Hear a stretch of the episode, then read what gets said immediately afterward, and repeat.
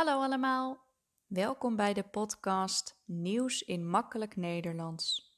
Elke week kan je hier luisteren naar een weekjournaal in eenvoudig Nederlands.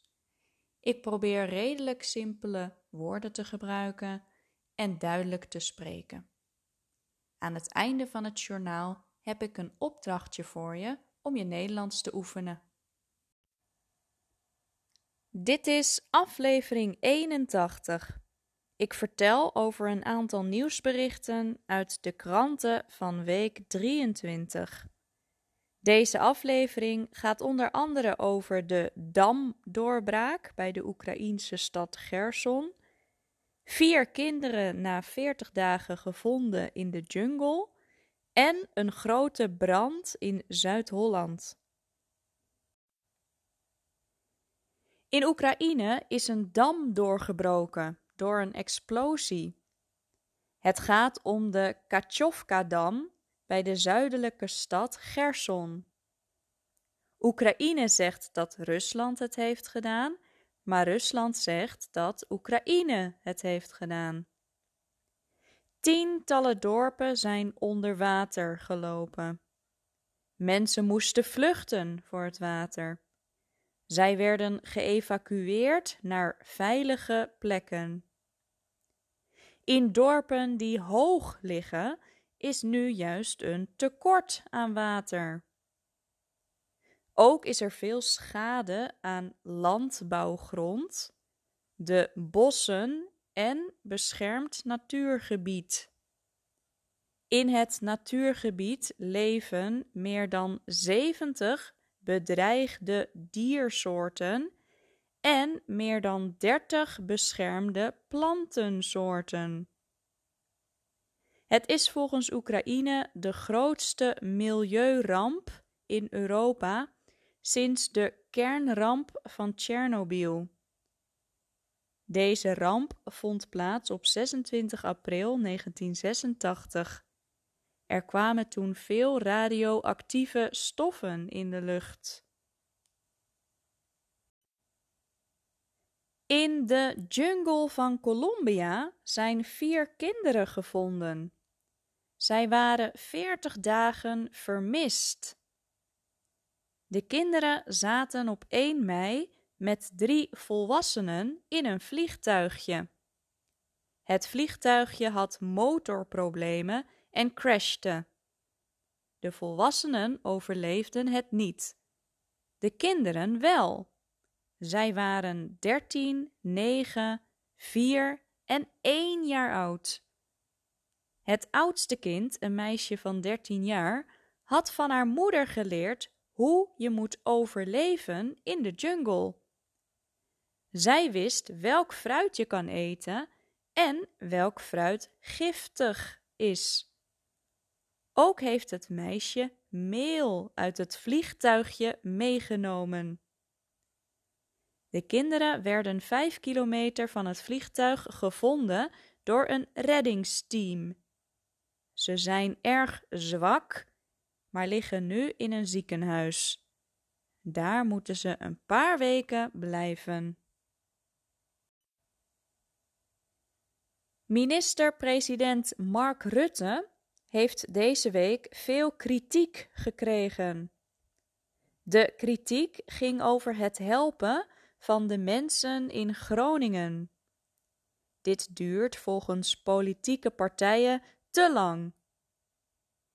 In de provincie Groningen, in het noorden van Nederland, zit gas in de grond. Dit gas werd uit de grond gehaald. Maar dat veroorzaakt soms aardbevingen. Veel huizen in Groningen hebben schade.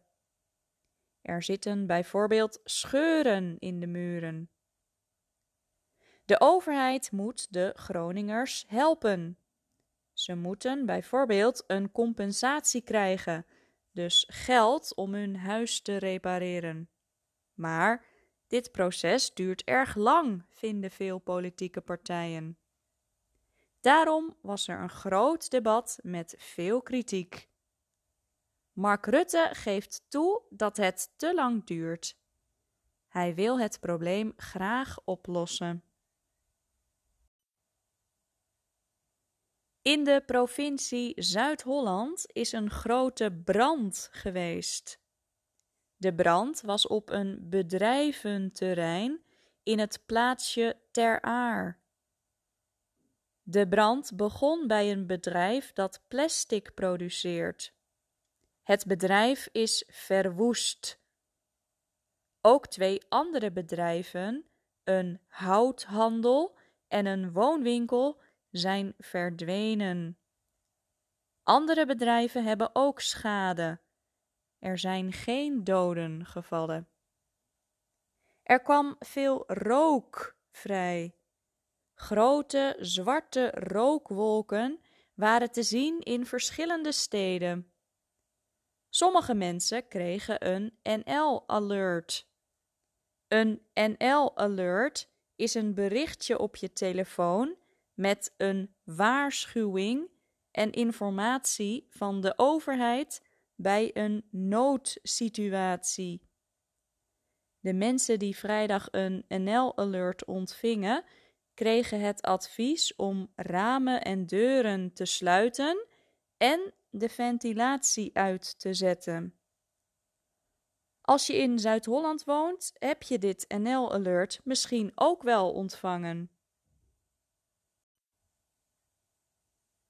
Een wetenschapper heeft 100 dagen onder water gewoond. Hij deed dit voor een onderzoek. Nu is hij weer boven water. De Amerikaanse man wilde weten hoe het lichaam reageert op hoge luchtdruk. Daarom woonde hij 100 dagen in een capsule onder water. Zijn hotelkamer was 10 vierkante meter. De professor at veel eieren en zalm. Hierin zitten veel eiwitten. Hij gebruikte een magnetron om de maaltijden op te warmen. Hij heeft ook gesport onder water. Hij deed bijvoorbeeld push-ups. De onderzoeker heeft met zijn experiment een wereldrecord verbroken. In 2014 leefden twee professoren 73 dagen onder water. Maar deze professor heeft het dus nog 27 dagen langer volgehouden. Afgelopen week was het warm in Nederland. Sommige dagen was het wel 30 graden.